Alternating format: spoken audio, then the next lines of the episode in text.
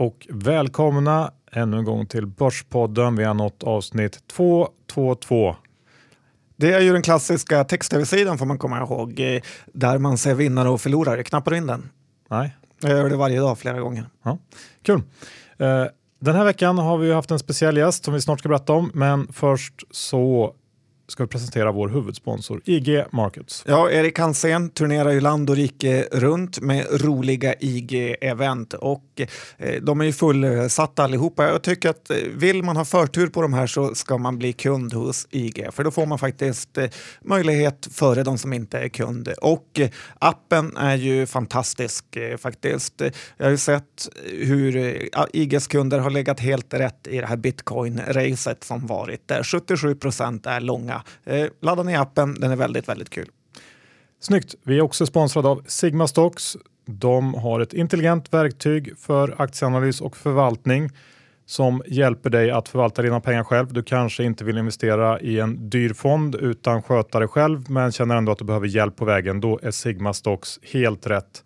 Eh, genom avancerad teknik och eh, automatiserad fundamental analys av stora datamängder så kan man skapa sig sin egen strategi och Sigma Stocks lotsar dig sedan vidare till orderläggningen eh, för rätt aktier då på Nordnet, Nordea eller Avanza. Väldigt smidigt och enkelt och det här kostar endast från 19 kronor i månaden. Ja, och när man har tillgång till så här avancerad eh, datarobot så tycker jag inte att man bara ska göra den klassiska och lägga in ett eh, lågt p-tal och, eh, och, så vidare, utan prova lite olika saker så kommer du hitta den eh, perfekta portföljen. Ja, och prova är väl det man ska göra och då har vi ju eh, det perfekta erbjudandet.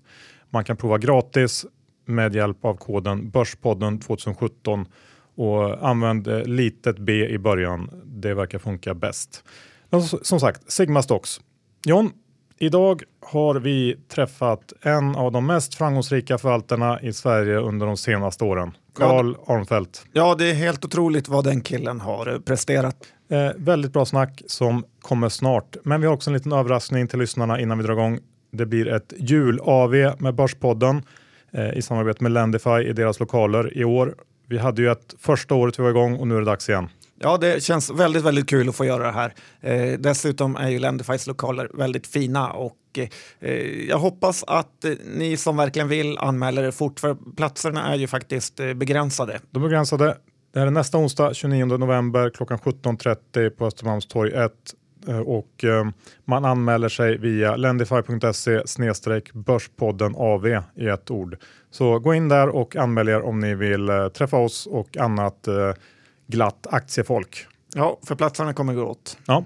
Dessutom så eh, om man inte är kund hos Lendify redan så kan man bli det via lendify.se börspodden. För använder man den länken då får man 500 kronor extra att investera på sitt Lendify-konto om man eh, investerar minst 10 000 kronor och det är ju dumt att eh, gå miste om de pengarna. Ja, det är 5 direkt. Ja, nu dags för veckans avsnitt.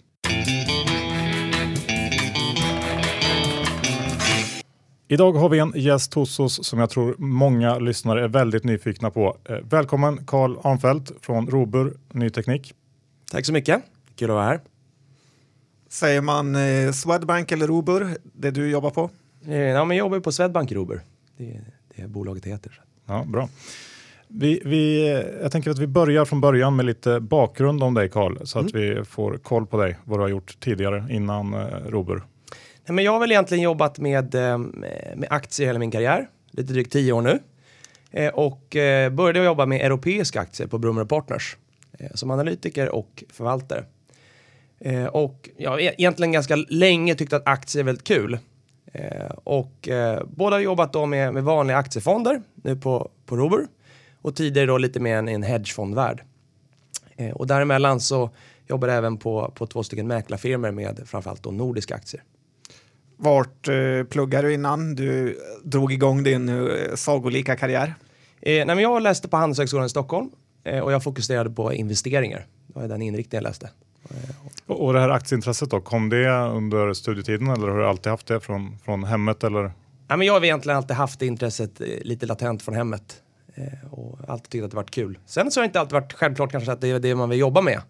Men, men det jag skulle säga här och nu att har man jobbat som aktieförvaltare ett par år Eh, det är så, jag tycker faktiskt att det är så fantastiskt kul att åka runt och träffa de här bolagen och träffa de här börs Så att det är nästan omöjligt att byta jobb och börja jobba med någonting annat. Eh, för, för att det är verkligen, jag tycker att det är verkligen kul. Är det roligare att vara eh, förvaltare än analytiker?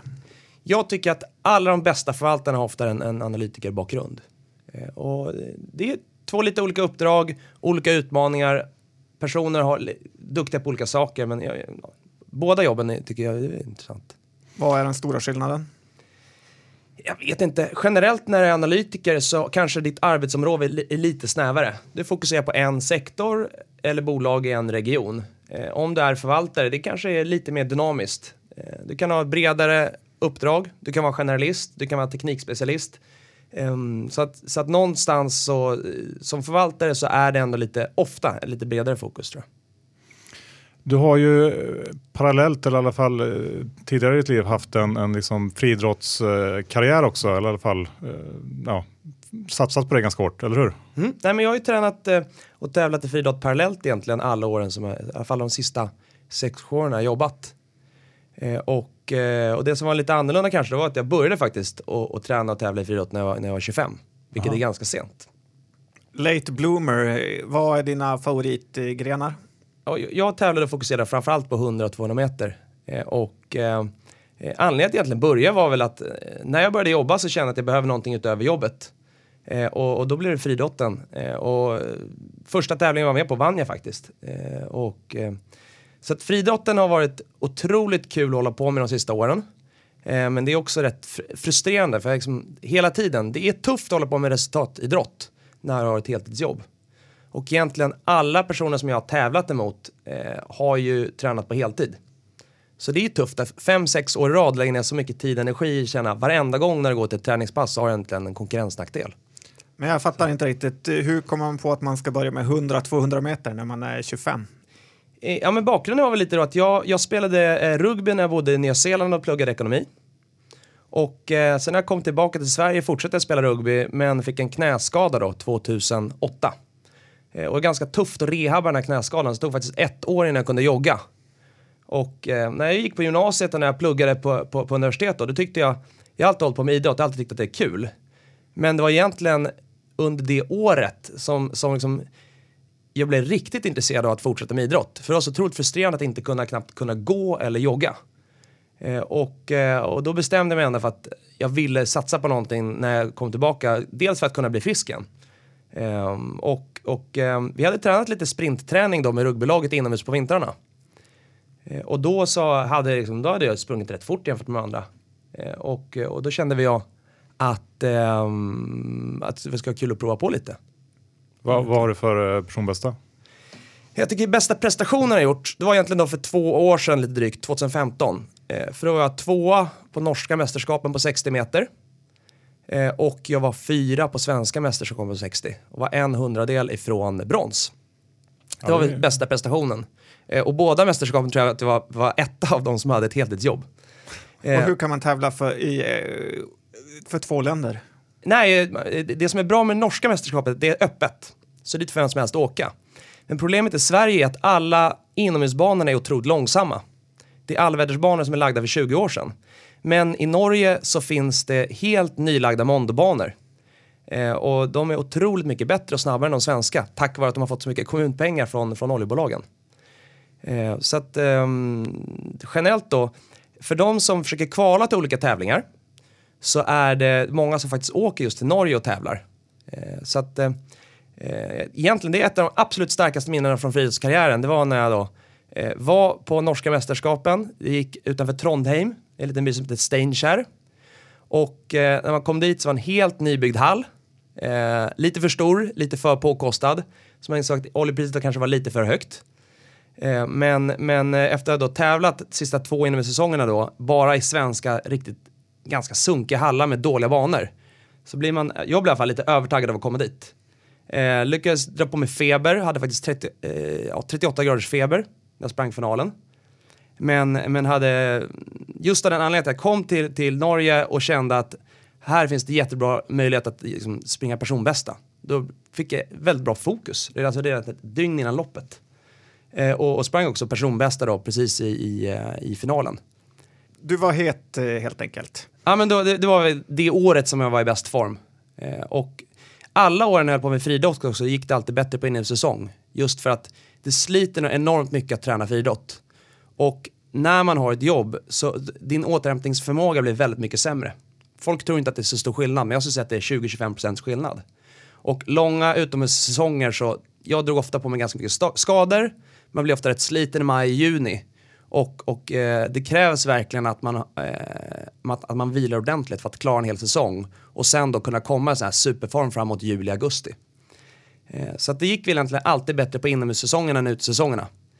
Eh, men, eh, ja, men Stainshare var väl ändå så här, en av de roligaste tävlingarna jag varit med på. Ja, det var kul att höra. Johan, ska vi lämna friidrottspodden lite ja, och ge oss tänkte, in på våra jag, patenterade Jag tänkte bara fråga, fråga, en grej till kring det. Vad, har du någon typ av eh, liksom, nytta av det här i, i förvaltningsrollen? Alltså, det är svårt att liksom, säga en, en generell sak. Men förvaltning och, och friidrott är ganska likt att båda är ju resultatidrotter.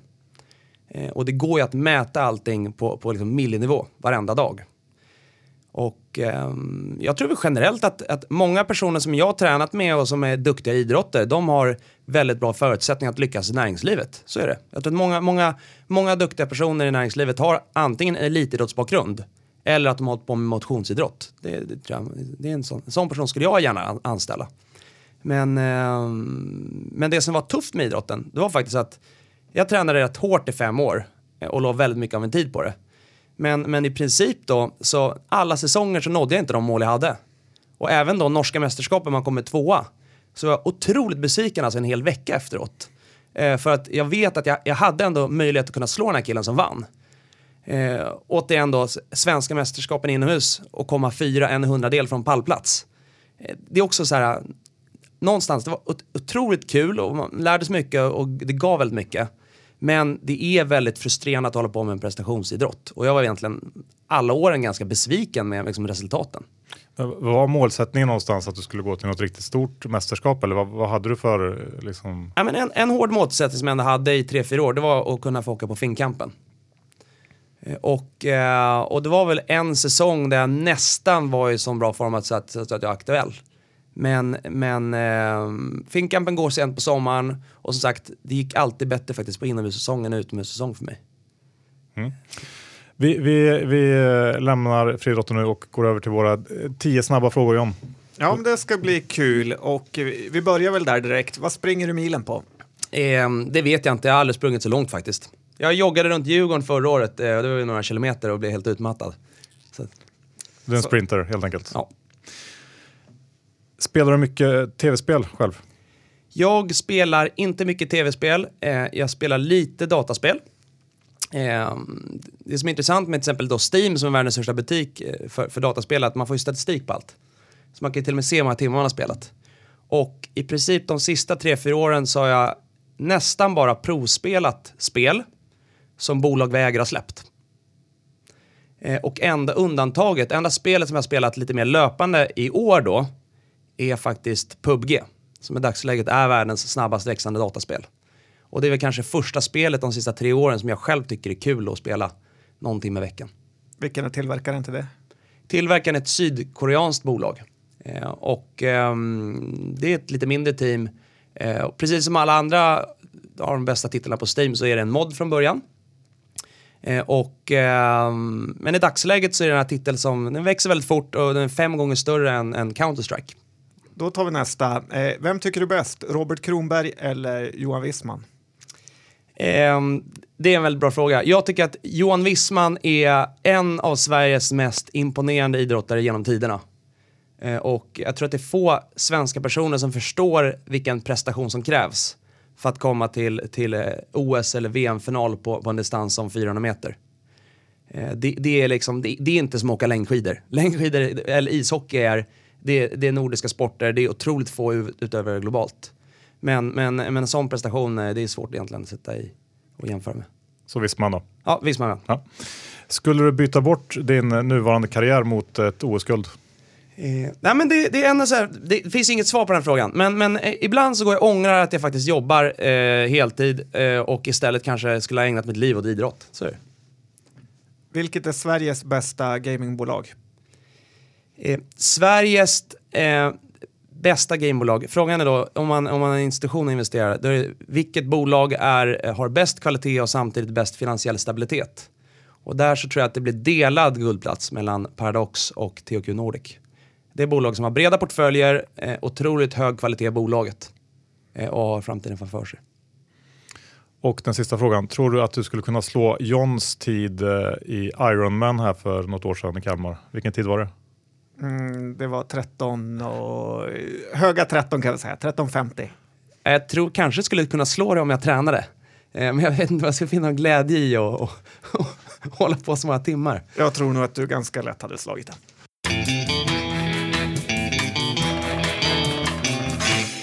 John, vi bryter för ett meddelande ifrån vår härliga retail-sponsor får man väl säga, Neckwear.se. Det är ju så att Black Friday, det är på fredag, eller hur? Ja, det är det.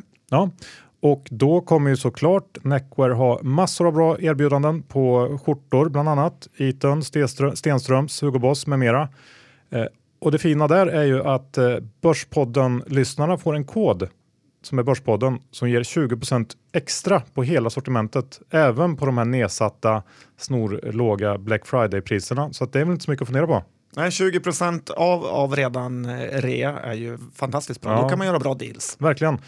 Fri frakt och retur, snabb leverans, brukar ta en dag när jag beställer och uh, ja, det är väl inte så mycket mer att säga utan gå in på neckwear.se, använd koden Börspodden så får ni 20% extra på deras Black Friday-priser. Och, och det, gäller, det gäller ju även efter Black Friday också såklart. Ja, och gör det julfin nu. Yes.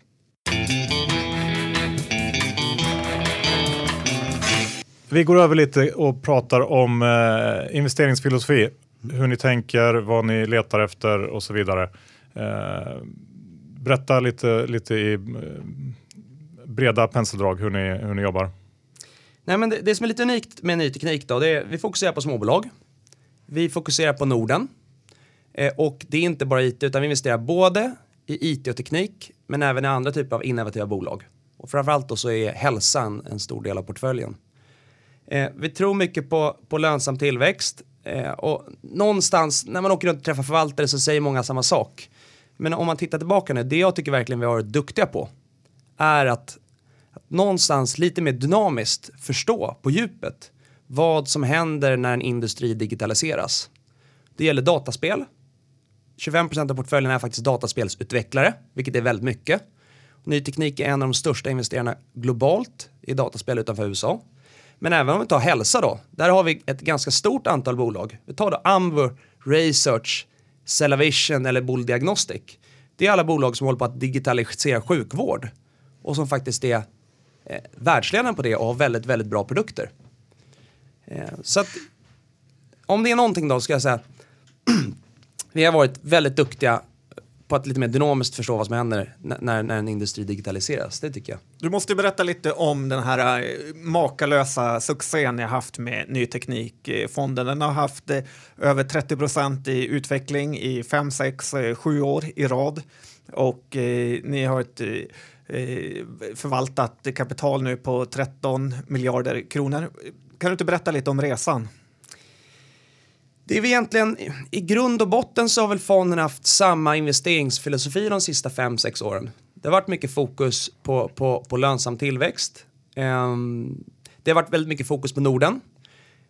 Uh, fondbestämmelsen säger att vi måste ha minst 70% av kapitalet i Norden. Och vi åker runt och spenderar väldigt mycket tid på att träffa bolag. Det, det är kärnan det vi gör. Lägger mycket tid på bolagsbesöken. Men sen åker vi också ut internationellt och träffar bolag.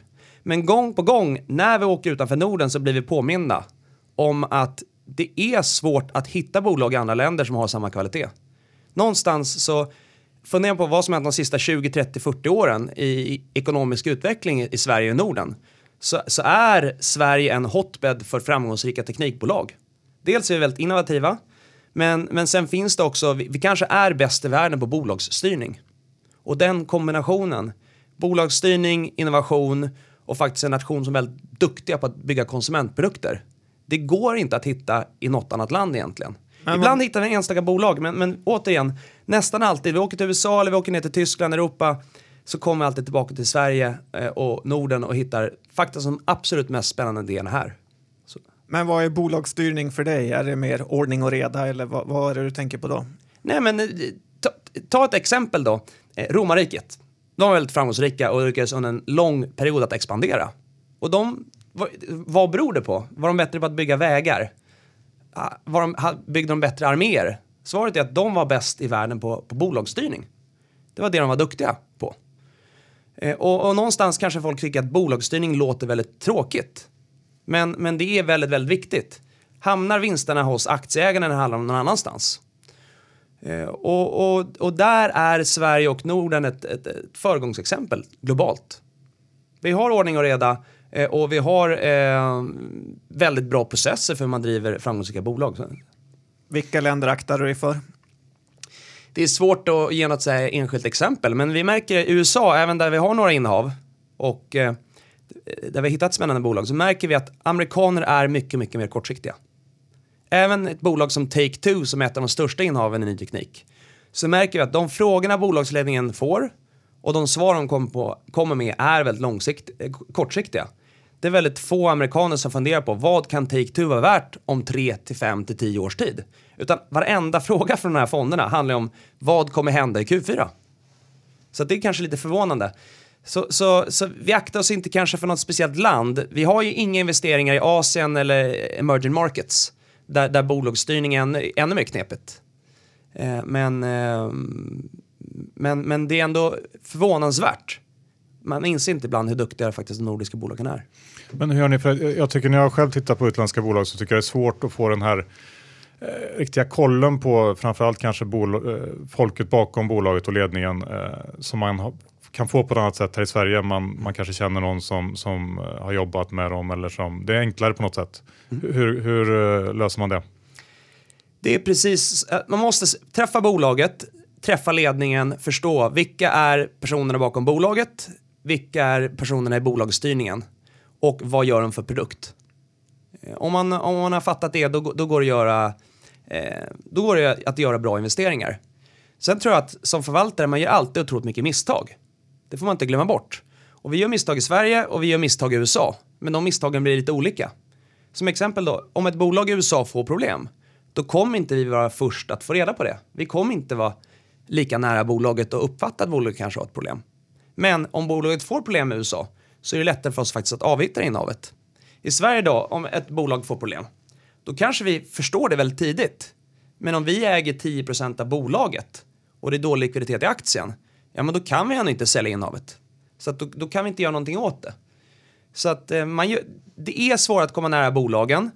Eh, men eh, det vi har gjort då historiskt nu och det som varit framgångsreceptet det är egentligen när vi hittar ett bolag i Europa eller USA som har väldigt liknande verksamhet som en nordisk framgångssaga.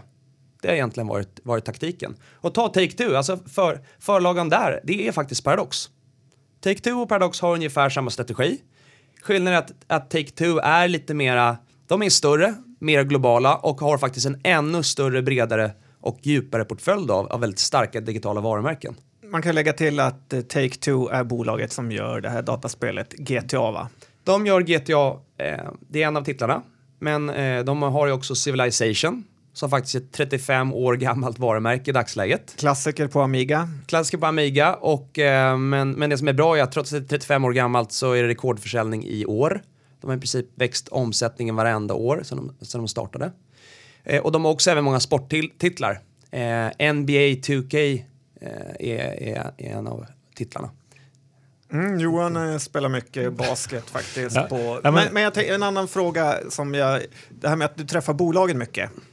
Eh, känner du inte ibland att eh, man eh, blir bolagsledningen konstant förskönar hur det går för bolaget och att ibland kan det nästan vara negativt att träffa dem för att man dras med i någon typ av påhittad optimism.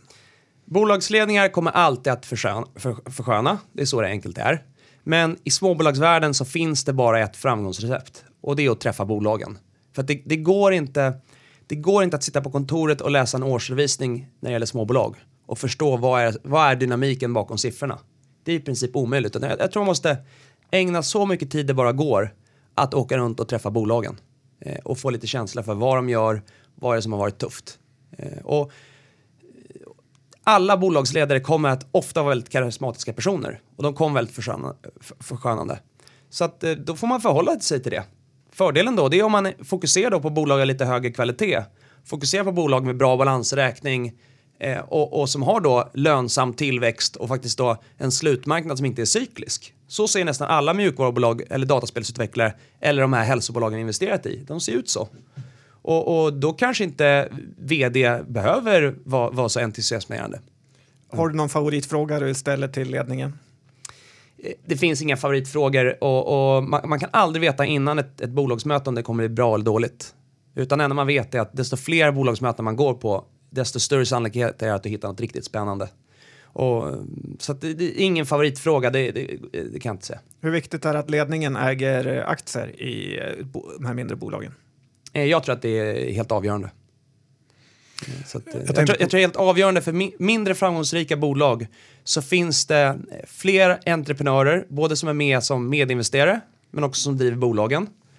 Eh, eh, och, och, och, och, som, som, som, är medinvesterade som aktieägare och inte tjänar på något annat sätt. Det, så det, det tror jag är väldigt centralt. När det gäller de här gamingbolagen, det, många har ju gått väldigt bra sista åren. Jag själv har missat mycket av, av, eh, av det här. Dels för att jag tycker att det är svårt att förstå, eh, förstå de här bolagen. Jag, jag, spelar inte så mycket själv så att jag har svårt att bedöma produkterna.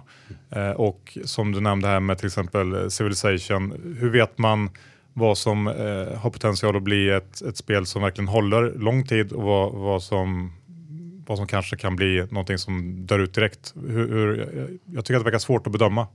Man behöver inte spendera flera hundra timmar. Man behöver inte vara ingenjör för att förstå ett teknikbolag eller dataspelsbolag. Utan det man behöver göra är att man behöver själv testa och förstå bolaget på produktnivå. Så länge du kan förstå vilka är de fem största titlarna för Take-Two? Vilka är de fem största titlarna för, för Paradox? Om du har spelat spelet några timmar och du förstår vilka som köper spelet, då, då tycker jag att man verkligen kan göra bra investeringar. Är du inte rädd för eh, konkurrensen? Jag menar, bara på I, Apple kommer ut flera tusen nya speltitlar i veckan och, och eh, ja, bolag, eh, hela tiden kommer det nya spel. Är det att marknaden slås undan av att det kommer ett bättre spel? Är du inte rädd för det när du investerar i de här jättehögt värderade bolagen? Jo, men, men, men för de absolut mest välskötta bolagen i sektorn som har lägst finansiell risk, om du tar THQ, ett Paradox eller Take-Two, de har ju kommit till det stadiet att de har så breda portföljer. De har kassaflöden från så många titlar. Och de har också lyckats bygga faktiskt företag som har lyckats... Paradox är ju en fabrik som genererar bra spel. Så någonstans är det en kombination av kanske förläggare och spelutvecklare. Ja, men dels så blir det go-to-guy på lite mindre spelstudios som vill få ut sin produkt. Och du kan liksom, välja bland de 50 duktigaste talangerna och sen tar du då ett, två, tre bästa titlarna som du tror på.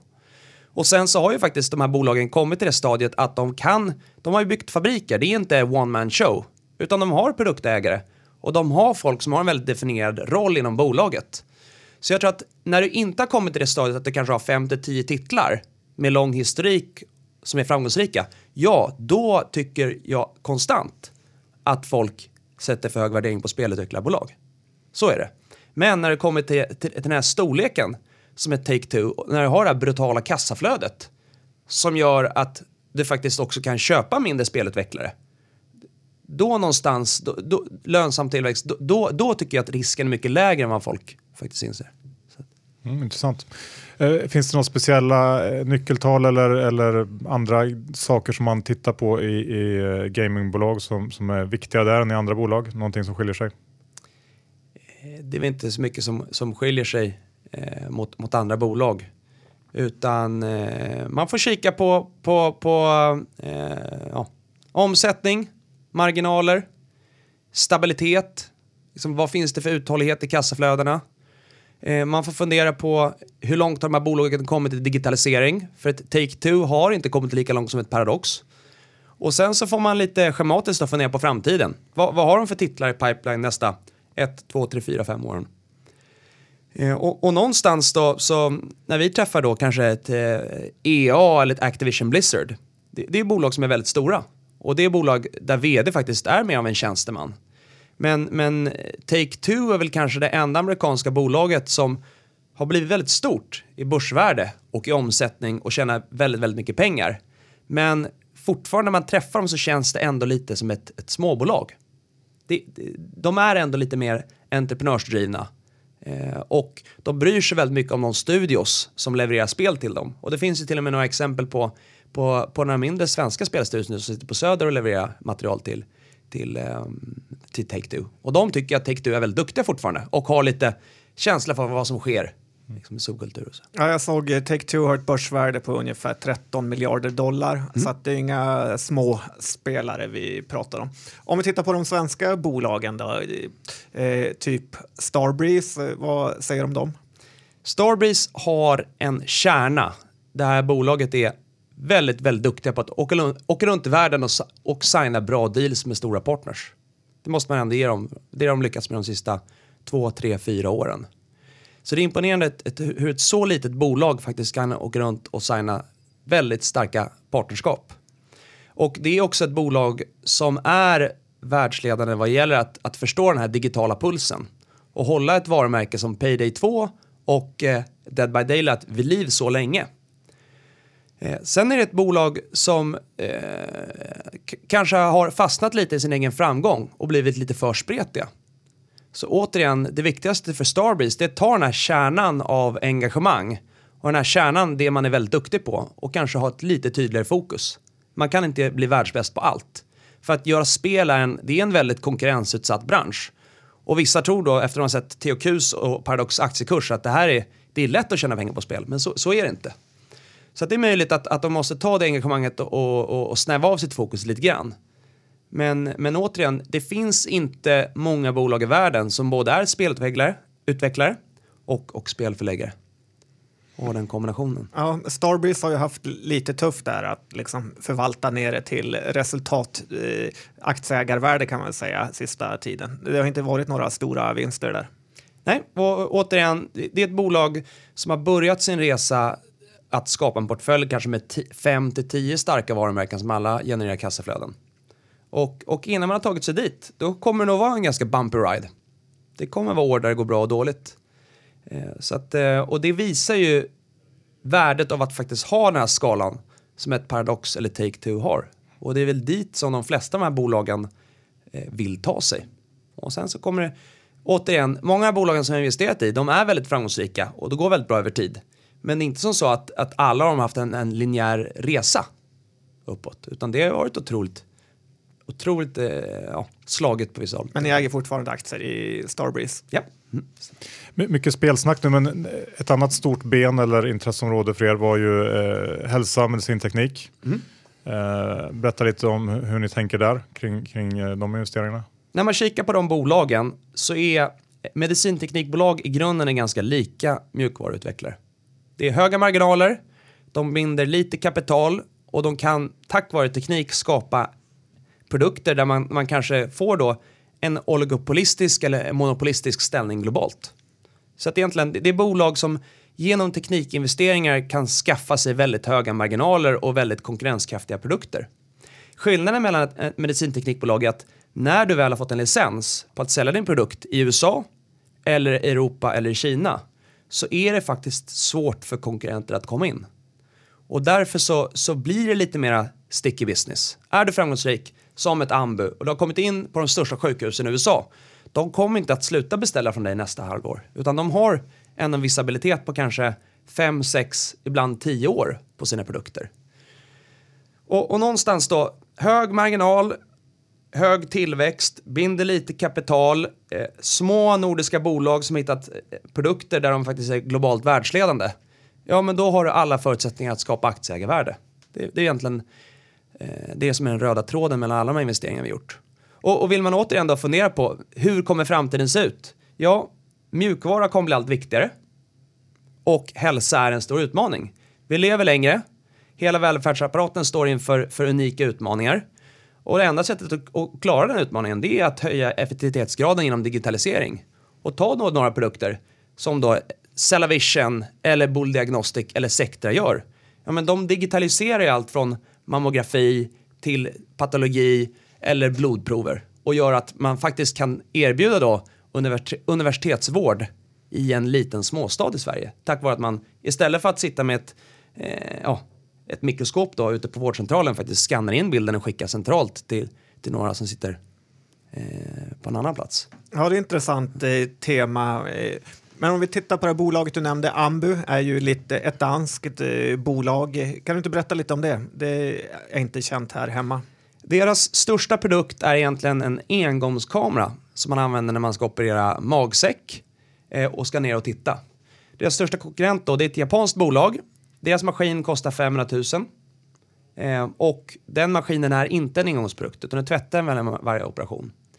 Men, men japanerna eh, de har byggt den här stora dyra apparaten. De har inte varit särskilt innovativa de sista tio åren. Och då har danska Ambu kommit med en liten annan approach då. Vi ska fokusera på, på produkter som är engångsartiklar. Så kameran kostar 3 eller 4 000 kronor. Eh, används vid en operation och sen slänger man den. Och när de började då så var det ofta backup. Sjukhuset köpte in den här kameran från Ambu för att ha ifall då den japanska apparaten eh, ja, inte funkade precis inför en operation.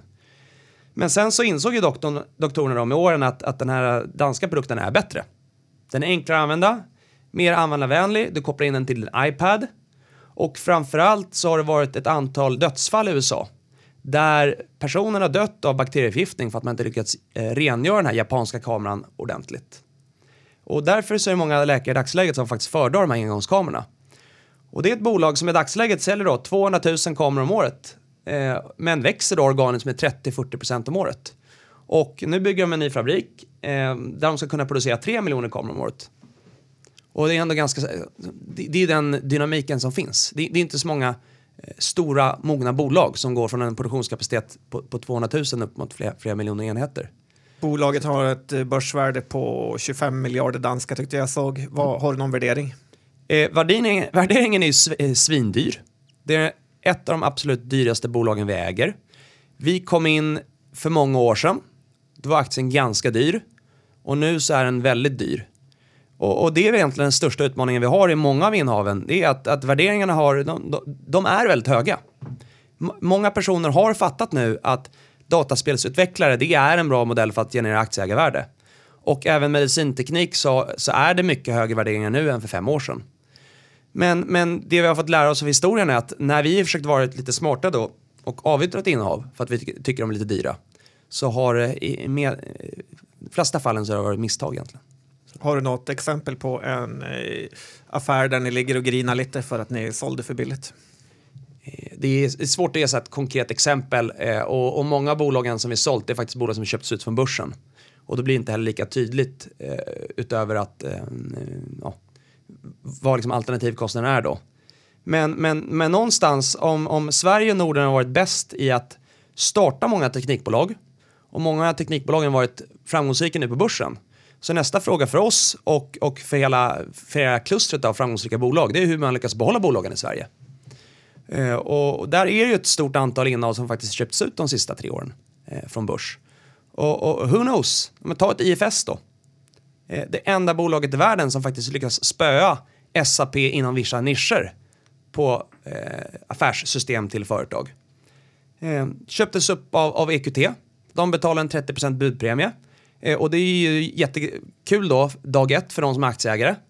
Men, men det är ett bolag som, eh, om man tar det lite längre perspektivet, så hade det faktiskt varit bättre för aktieägarna att behålla på börsen, tror jag. Det kan ju bli en trade-doubler också, får man ju komma ihåg. Ja, och, eh, och, så är det med alla teknikbolag, är att det finns en teknikrisk. Och det är någonting man måste lägga mycket energi på att fundera. Men ibland så, så, så, mm, så underskattar man, ibland överskattar man vad, liksom, vad hållbarheten i affärsmodellen är. Så att vi, framförallt då, kon konsumentvarumärken. Det är något som jag tror finns väldigt stor liksom, långsiktig hållbarhet i. Eh, så att eh, digitala varumärken, det är ju någonting där vi lägger mycket energi på att försöka hitta. Och eh, återigen, dataspelsutvecklarna. Vad är det de har? Alltså, Civilization för, för Take-Two, det är ett 35 år gammalt varumärke som växer för varje år som går. Eh, och där finns det ingen teknikrisk. Det är inte så att någon kommer komma med en ny teknik och det här varumärket bara dör. Utan eh, det är ändå en av hörnpelarna i, i fonden är att försöka hitta riktigt bra digitala varumärken. Och det kan vara ett Storytel, eh, och det kan vara ett, ett Acast.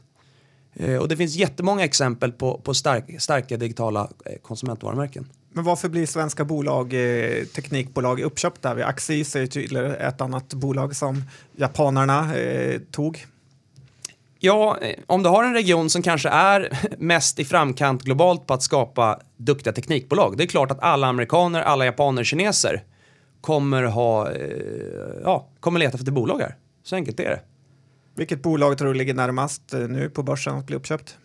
Det är svårt att säga, men, men eh, ta ett bolag som Tencent. De har ju faktiskt köpt lite aktier i några av de svenska dataspelsutvecklarna. De har även köpt aktier nu för några veckor sedan i eh, ett brittiskt bolag som vi har, eh, Frontier Developments, eh, som, som tillverkar ett flertal titlar för, för PC. Och, så att dataspel är ju en sektor där det finns risk. Men, men jag tror faktiskt att, att alla som håller på med det här måste bli duktigare på att försöka behålla bolagen här.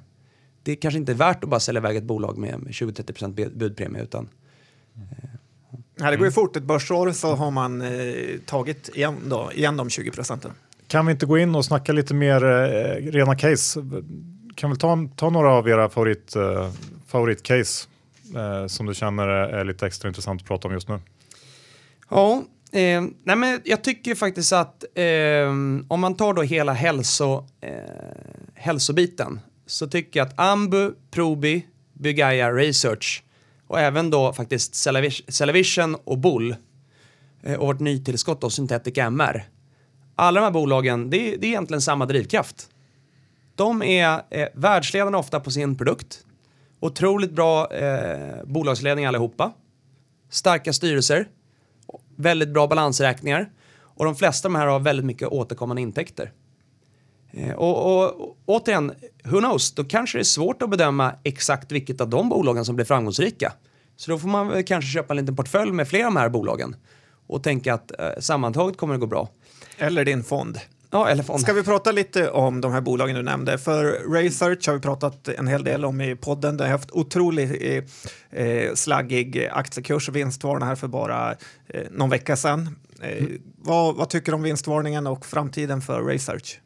Det vi vet är att eh, de är väldigt duktiga på sina befintliga produkter. Där har de varit framgångsrika. Och, och nästa steg för bolaget det är ju att, att börja med det här Raycare. Och skillnaden där är att, att historiskt så har de varit en, en liten nisch, en mycket mindre vertikal på, på cancerklinikerna. Och bara egentligen gjort mjukvara till, till strålbehandlingsmaskinerna. Och nästa steg då, det är ju att de har byggt en mjukvara som egentligen ja, det är en helhetslösning för hela kliniken.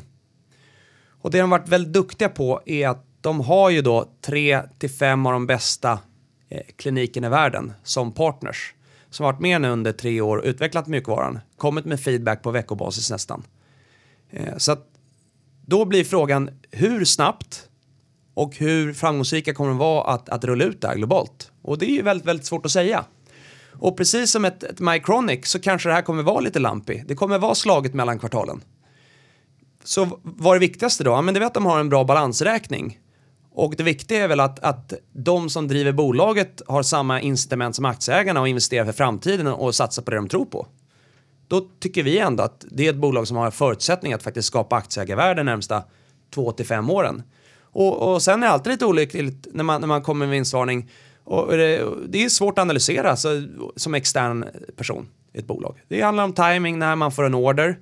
Um, och det finns jättemånga exempel på bolag som har en bra produkt men där det tar längre tid att sälja in det här globalt än vad man hade trott. Så att är bolaget lönsamt då? Ja, men då spelar det ingen roll om orden kommer i Q4 eller om de kommer i Q, Q1.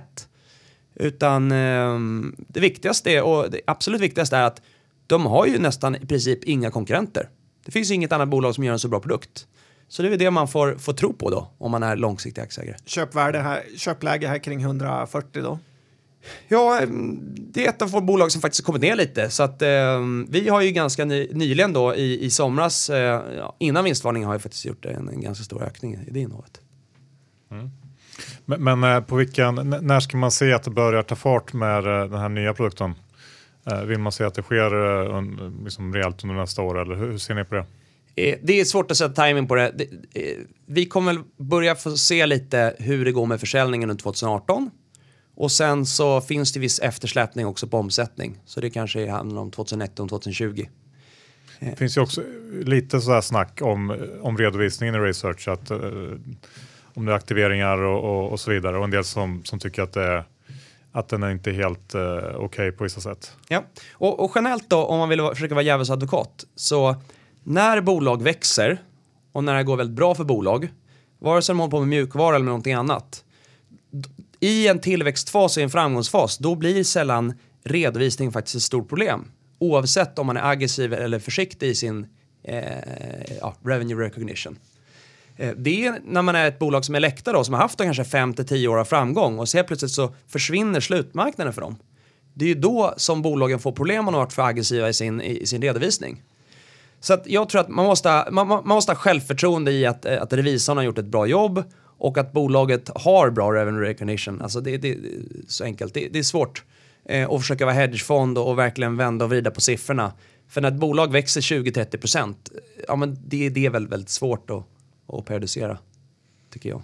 Ja, men det ska bli kul att följa Research. Eh, Probi är ju ett annat bolag som vinstvarnat. Eh, vad säger du om det? Återigen, eh, det är ett av de fem bästa bolagen i världen på att göra probiotika. De har skapat mycket aktieägarvärde de sista åren. Eh, de har en VD, VD Peter Nellstedt, som är eh, liksom rockstar, 10 av 10. Jobbar stenhårt för aktieägarna varenda dag han går till jobbet. Det är väldigt uppenbart. När man träffar honom och pratar med honom så är det svårt att hitta någon annan börs-VD som faktiskt är så engagerad. Och, och någonstans då, då hade de tre till fyra kvartal i rad när det var stolpe in på alla håll och kanter. Och folk blir överoptimistiska. Eh, och framförallt då så hade de med en stor amerikansk kund som beställde väldigt mycket i början på året eh, och sen inte hade då återkommande beställningar. Så det är klart att i en perfekt värld är det alltid roligast med aktieägare om en, eh, om en aktie går bra varenda kvartal. Men, men vad, vad är verkligheten här? Ja, det är ett bolag med stark balansräkning. Det är ett bolag som har höga marginaler på sina produkter. Eh, men det är ett bolag som inte kommer ha en rak linje över varenda kvartal. Kan vi leva med den volatiliteten? Ja, jag är väldigt bekväm med att leva med den volatiliteten. Eh, och, och, det passar väldigt bra i, i en fond. Eh, och, och, sen så eh, får vi se då. Det som Probi och Biogaia varit duktiga på är att de har ju faktiskt lagt ner mycket pengar på forskning. Och eh, även Probi har ju ökat sin forskningsbudget väldigt mycket. Så de har ju varit bättre än alla konkurrenter på att dokumentera alla de här kliniska bevisen som faktiskt finns för probiotika. Jag tänkte just det, fungerar ens de här produkterna mot mjölkmage och allt vad det är? Ja, och, och eh, produkterna fungerar, kunderna gillar produkterna och det finns stora värden. Men det är inte läkemedel. Så problemet man har i Europa, det är att man har skickat det här då till Läkemedelsverket som ska godkänna produkterna och då blir det väldigt stor mishmatch. Eh, så att eh, om man tittar på över tid, vilka kommer att vara inne inom probiotika? Ja, men det är ju de bolagen som faktiskt gjort sin hemläxa och har gjort forskning. För att när man hittar lite kliniska bevis så är både Biogaia och Probi, de är i framkant av att faktiskt göra riktiga studier och göra riktig, riktig dokumentation. Och det är ju dyrt och det tar ju längre tid. Och, och då kanske det blir ännu mer slaget mellan kvartalen. Eh, men till skillnad från ett amerikanskt bolag så tror jag då att Probi lägger mer energi på att göra en bra produkt och kliniskt dokumentera den än att anställa 200 säljare som åker runt och dänger väska. Alltså, och, och det är någonstans Kärnan i både Probi och Biogaia är väldigt starka. Och, och det är små bolag som har bra produkter som funkar globalt. Eh, så att återigen, där är ju faktiskt den största risken är ju att, att Probi blir utköpt från börsen. Det var håsigt. Ja. ja, vi får se. Eh, vad har vi mer? Eh, ska vi, MTG såg jag låg ganska högt upp på, på er innehavslista. Mm. Det är mycket snack om e-sportsatsningen där. Ja. Och, nej men MTG, återigen, det är inte världens enklaste bolag att kika på. Eh, jag tycker faktiskt att vdn där, Jörgen Madsen, han är riktigt duktig. Han är väldigt passionerad. Han har hållit på med media i 20-30 år. Det finns inte många som är så duktiga som han är. Och, och MTG, i sin, i, det är ändå ett av få mediebolag som försöker att förändra sig. Eh, och eh, jag kommer ihåg att jag träffade dem, eh, extra kul möte, det var för 6-7 år sedan träffade jag MTG. Och det här var ju långt innan e-sport. Eh, och det var ett möte med Mattias Hermansson som då var finanschef och faktiskt en av de duktigaste som har jobbat på bolaget historiskt. Och, och då sa han att vi har ett problem. Linjär-tv kommer att dö vid något tillfälle. Jaha, vad ska ni göra åt det då? Nej, vi vet inte vad vi ska göra. Utan, eh, men vi måste göra någonting. Vi har ett window of opportunity på kanske 3 till 5 år att hitta någonting nytt. Och då började de eh, fundera på vad de skulle lägga tid och energi på. De hittade väl på något sätt den eh, härvan då via Play. Utvecklade den tjänsten. Och det är också en, en tjänst som, som är mycket bättre än linjär-tv. Eh, och som, som faktiskt är bra. Eh, och sen så har väl de fortsatt då att försöka att vara lite paranoida och försöka hitta någon ny affärsmodell. Och, och då har de ju hamnat på e-sport. Köpt två större bolag. Dels då ESL och DreamHack. Eh, och det har varit mycket snack om e-sport. Eh, och det man kan säga då. Eh, hur kommer framtidens media se ut då? Det är väldigt högt engagemang för e-sport. Det är väldigt många som tittar. Eh, men eh, ja, omsättningen av bolagen har varit lite eftersatt. För det är inte så lätt att få upp monetization dag ett. Eh, så att i min värld, MTG är ett, ett mediebolag som till och med växer ebit i den gamla verksamheten. Satsar mycket pengar på e-sport. Och skillnaden mellan att göra nordisk tv och göra e-sport är att är man framgångsrik inom e-sport så har du ju faktiskt en global slutmarknad. Eh, och det finns nog inte så många andra bolag globalt som lägger så mycket tid, energi och pengar på e-sport som MTG gör. Och det kommer inte heller vara superenkelt. Men, men eh, ta som exempel då PubG, världens snabbast växande dataspel. Sju av tio titlar på Steam nu, de största, är moddar. Är det ett litet bolag som gör en mod? Mod är att man gör om ett gammalt spel. Gör om ett gammalt spel, ja. Du kommer ju inte ha ett stort team som håller på med e-sport.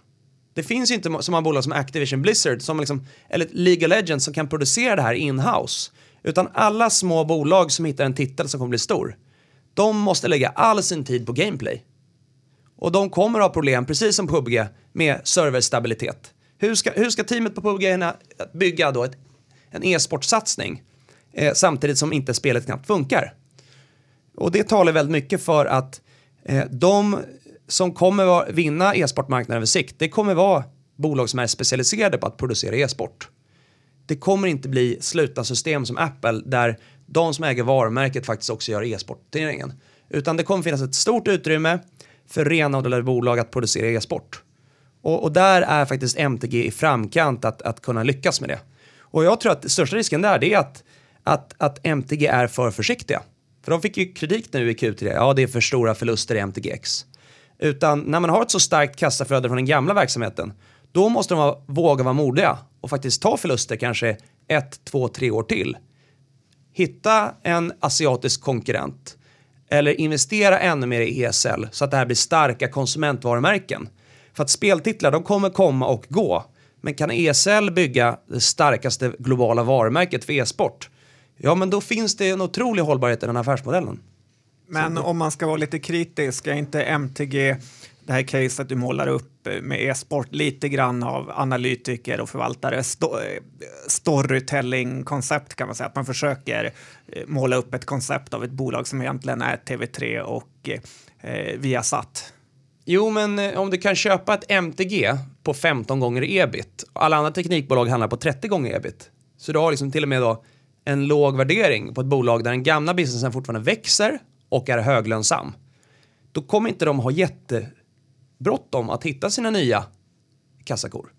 Utan då kan de faktiskt i lugn och ro investera de här nya bitarna. Och e-sport kommer aldrig bli 100% av MTG, men fortfarande, det är inte heller en så liten del av bolaget så det är kanske 5% av omsättningen om fem år. Utan e-sport kan ju faktiskt vara 20, 30, 40 procent av omsättningen på sikt. Så att det är ändå någonting som du kan få betalt för om du får genomslag. Det är skillnad, någon jag träffade, han ska köpa Facebook för att han trodde på, på Oculus Rift. Alltså best case så kommer Oculus Rift vara 0,01% av omsättningen i Facebook om fem år. Men i MTG så tycker jag ändå att, att e-sport kan bli en av de viktigaste värdedrivarna i bolaget. Och nu har de även börjat investera lite spelutvecklare. Eh, och det kommer inte vara en lätt resa för dem. Eh, det är otroligt tufft att investera i, i, i spelutveckling. Eh, och ehm, då får man verkligen bara hoppas på att de här personerna bygger kompetens i det området och att de lyckas då eh, bli lite go-to guys och, och förvärva rätt typer av mobilspelsutvecklare eller browser eller PC eller vad de ska satsa på. Men men jag märker ju också att det är många som, som tror att, att tjäna pengar på dataspel, det är lätt. Men, men den här oron då som att eh, Facebook och Amazon köper, eh, Yahoo köper eh, sporträttigheter eh, och sen kan de då kabla ut det i sina egna kanaler. Mm. Är inte det ett eh, stort hot för eh, Viasat? Jo, men de, ja, om du kollar på e-sport kommer de köpa de rättigheterna från, från MTG tror jag. Så att, eh, ja, det ska bli kul att följa. Mm. Du har ju också, om vi ändå är inne i tekniksektorn, Roivo, säger man så? Rovio. Rovio som mm. gör Angry Birds. Eh, kan du berätta lite om den investeringen som är ganska betydande för er fond? Bolaget kom ju till börsen väldigt nyligen. Väldigt nyligen. Eh, Angry Birds är ett starkt globalt varumärke. Eh, det är ett bolag som hade först tre, fyra år när det gick nästan för bra för att vara sant. De hade liksom skyrocket tillväxt, både omsättning och lönsamhet. Sen kom Rovio in i en period för några år sedan där kärnverksamheten, spel, fortsatte växa. Men de höll väldigt mycket på med filmer och med, med handdukar och, och mycket kringprodukter. Och där fick de lite problem. Så, att, så, så det är ett, ett framgångsbolag som ändå haft en period där de tvingats då att skära ner hälften av arbetsstyrkan. Och någonstans då jag investerar hellre i ett Rovio som, som har både haft en period när det har gått bra och en period där det har varit lite tuffare. Och nu faktiskt kommer ut i den perioden med ett mindre team. De vet sitt fokusområde. De har inte en storhetsvansinne och tror att de ska göra allt. Utan jag tror att de har sin framtid väldigt utstakad. Kikar man på mobilspel så det tar ungefär fem år att få en produkt att bli mogen i lönsamhet och omsättning. Och de har ett stort antal produkter, en ganska bred portfölj. Eh, om man kikar på, på, på Angry Birds nu också så, så är det ganska intressant att de licensierar ut sitt varumärke till Hollywood som gör film. Och det känns också som att det är framtiden. För att i år är det sämsta biografåret på 30 år. Så det som kommer ske är att många Hollywood-studios kommer få problem. Och de bolag som är mest lönsamma, det är spelutvecklare. Så framtiden är att spelutvecklarna äger de stora varumärkena och licensierar sina varumärken till Hollywood istället för tvärtom. Eh, och det är ett bolag då som har eh, hög tillväxt, hög lönsamhet, de tjänar pengar, de betalar till och med en liten utdelning. Och de har ett varumärke som, ja, Angry Birds kanske är moget i vissa marknader, men det är fortfarande ett av få mobilspelsföretag som är väldigt framgångsrika i Asien. Och någonstans så, så tror också folk att små studios med 5-10 anställda kan göra globala produkter. Men det man inser när man träffar Rovio är att när du har 300 anställda som gjort det här i 10 år plus så äger de väldigt mycket teknik. De har liksom en avancerad teknikstack. Det är inte så lätt att kopiera deras tracking-programvara då som följer varenda kund från att du installerar spelet, ser hur länge de spelar och så vidare. Utan de är väldigt ledande på, på, på data också. Så, så den kombinationen, erfarenhet, eh, höga marginal, hög tillväxt, starkt varumärke och sen får man verkligen hoppas då att, att de här kan bli lite av ett Disney inom mobilspelsutveckling. Att de faktiskt kan köpa då en eller två mellanstora spelutvecklare som inte riktigt klarar av då själva att ta sitt eget bolag till nästa nivå. Och vi sitter här om fem år, de kanske har då ett till två till tre varumärken som är lika stora. Det är, det är det man får hoppas på.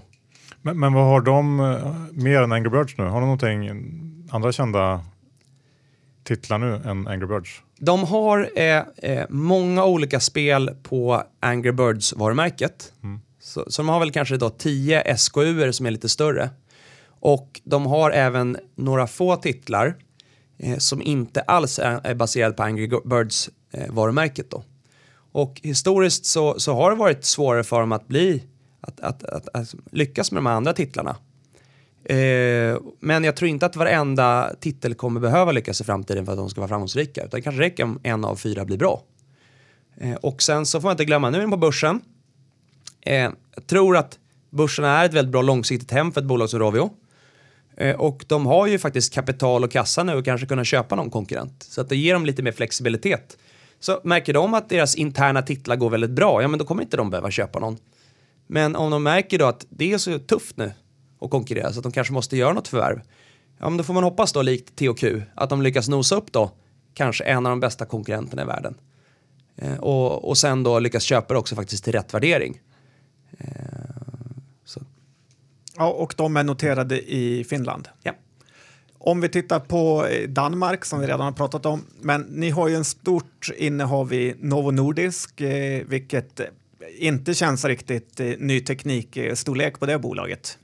I dagsläget då så är väl eh, nästan 90 procent av fonden är småbolag. De två undantagen i dagsläget är egentligen Novo Nordisk och Take-Two som är större bolag. Och eh, den utmaningen vi har i vårt dagliga arbete är att många av småbolagen har usel likviditet i aktien. Och ny teknik är en fond som är öppen varenda dag för insättning och uttag. Och vi har stora inflöden, ibland har vi stora utflöden. Och då kan man inte bara äga bolag där omsättningen i aktien är noll. Det går liksom inte. Så att Novo Nordisk är ett stort bolag, till skillnad från de flesta andra innehaven. Men eh, när vi investerade i Novo då under förra året var det en, en tidsperiod då vi faktiskt eh, ökade positionen väldigt ordentligt. Så var det ett, ett bolag, eh, kunde köpa ett av världens bästa bolag till 15 gånger ebit. Alltså värderingen har gått ner med 30-40 procent. Då kände vi också att det var ett av få innovativa bolag i Norden som faktiskt kan gå upp med 35-40 procent det närmsta året. Och, och, och, någonstans så gick folk och trodde att det här var ett Ericsson eller ett Nokia. Det var ju det man sa. Analytiker och förståsigpåare. Börspoddare. Och börspoddar. Men, men skillnaden mellan Ericsson och Nokia är att där så minskar slutmarknaden. Det byggs färre telekommaster. Nokia sålde färre mobiltelefoner. Men skillnaden för Novo Nordisk är att de är störst i världen på att göra läkemedel till diabetes typ 2. Och det är en sjukdom som växer.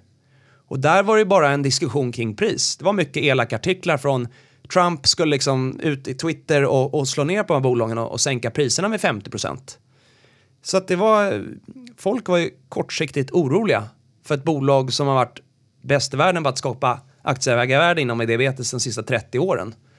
Eh, så då tycker vi ändå att, att det är i sig ett, ett otroligt intressant innehav. Men jag tycker det är ett väldigt bra komplement också till många av de andra innehaven vi äger i fonden. Och ni kan använda det lite som eh, bank med insättning och uttag. Vi måste alltid balansera likviditeten i hela portföljen. Eh, så, så enkelt är det. Och, och då vill vi alltid ha några lite större bolag där vi har lite bättre likviditet. Och det behöver inte alltid vara ett Novo Nordisk, utan hittar vi kanske ett annat bolag med samma kvalitet som är till för låg värdering, ja men då, ska vi, då får vi kika på det istället. Jag måste fråga en grej också. Ny, ny teknik heter fonden och eh, Fingerprint har ju varit ett eh, stort ämne här under flera år i Sverige. Har ni någon gång varit investerat i det? Eh, vi har inte varit investerade i Fingerprint. Eh, vi har träffat dem många gånger. Vi har även träffat konkurrenter många gånger. Eh, det var en period när Fingerprint gick väldigt starkt så att det såg till och med ut som i våra siffror att vi, att vi, vi såg ut som, som idioter som inte var investerade. Eh, men men eh, vi har haft tidigare investeringar i bolag som gör då halvledare. Och i min värld så Fingerprint är egentligen ett halvledarbolag. Och det är tufft att skapa aktieägarvärde som halvledarbolag. Eh, det är otroligt tufft. Priserna går ner. Det är brutal konkurrens från asiatiska spelare. eh, det är låga marginaler över tid. Ehm, så, så, så, vi tyckte bara att eh, det var för svårbedömt bolag för att vara med. Och vi träffade även några av konkurrenterna, vi träffade underleverantörerna.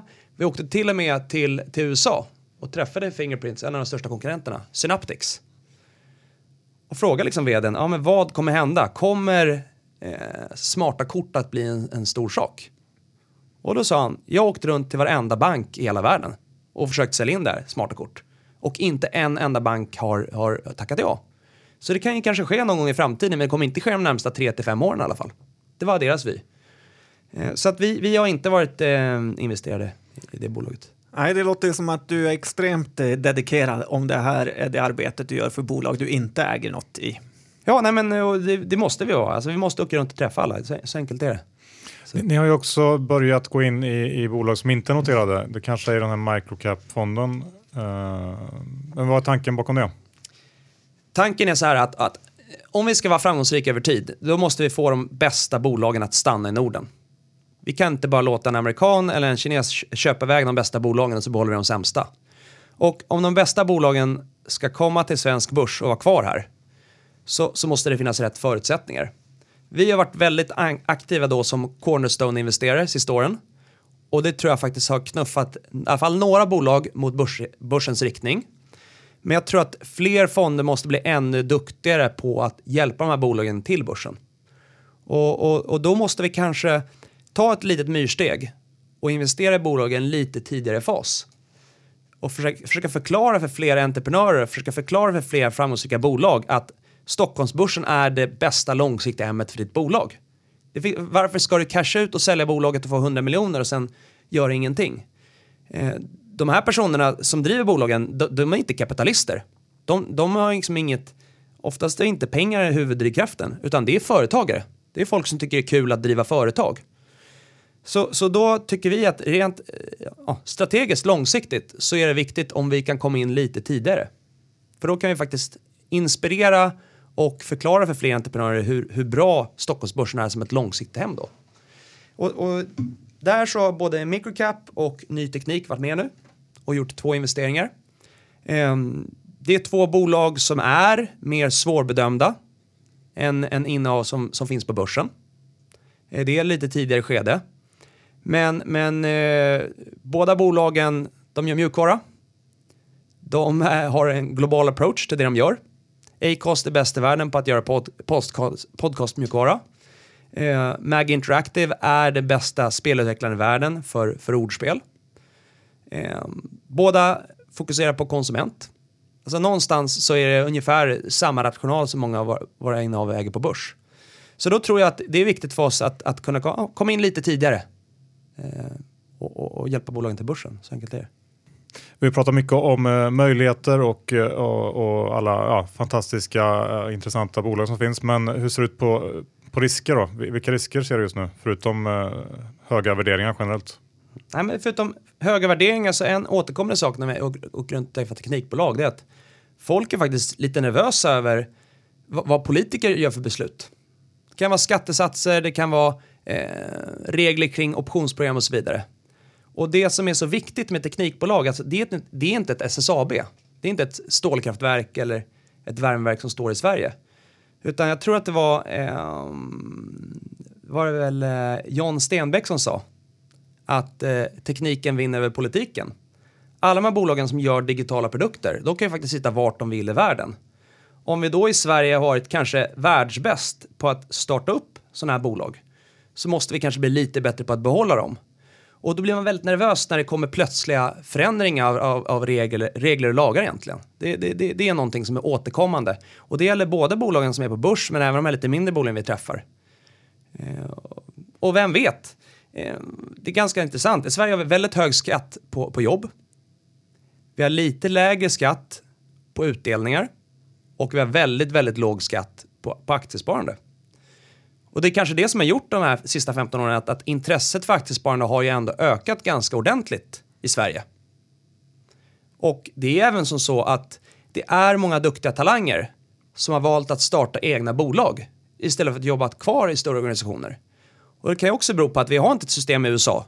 Du kan faktiskt inte bli rik på att jobba i Sverige, men du kan bli rik om du startar ett företag. Så det är väl en av de fördelarna vi haft med, med det skattesystemet. Men, men återigen, ett exempel är ju faktiskt Nordea.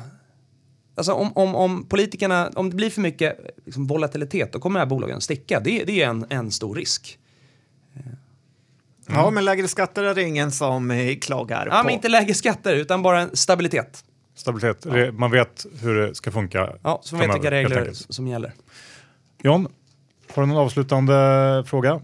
Ja, men det har jag faktiskt. Jag skulle vilja veta, Karl, om du var tvungen att stoppa alla pengar i ett enda bolag på Stockholmsbörsen, vilket eh, hade det i så fall blivit? Ja, då, då är det nog fel person att fråga. Då är det bättre fråga någon daytrader som faktiskt stoppar alla pengarna i ett bolag på Stockholmsbörsen. ja. Utan eh, jag tycker att många av de bolagen som vi äger tror vi stenhårt på. Eh, det finns några återkommande teman. Vi gillar mjukvara. Vi gillar dataspel. Vi gillar bolag i hälsosektorn som digitaliserar hälsovård. Det kommer vara flera av de här bolagen som kommer gå på en, två, tre minor. Historiskt så har jag nästan aldrig varit duktig på att eh, veta liksom vilken av de här bolagen, kanske äger 30-40 av, som är bäst. Men, men eh, man får helt enkelt sätta ihop en liten en portfölj med bolag som man, som man tror på över tid. Så, en, så enkelt är det. Vi har liksom ingen, ingen Zlatan Ibrahimovic i vår portfölj och så, så, om han försvinner då så är det kört. Så, så är det inte. Nej, inte ens för Sverige är det kört om han försvinner. Nej, Nej, precis. men om man hoppas av någonting, det är väl att eh, kanske fixa då bolagsstyrningen av landslaget och plocka tillbaka någon till VM. Ja, ja, vi får se. Men det var bra, bra avslutande råd där Karl och eh, stort tack för att du kom och hälsade på här i Börspodden. Tack själva.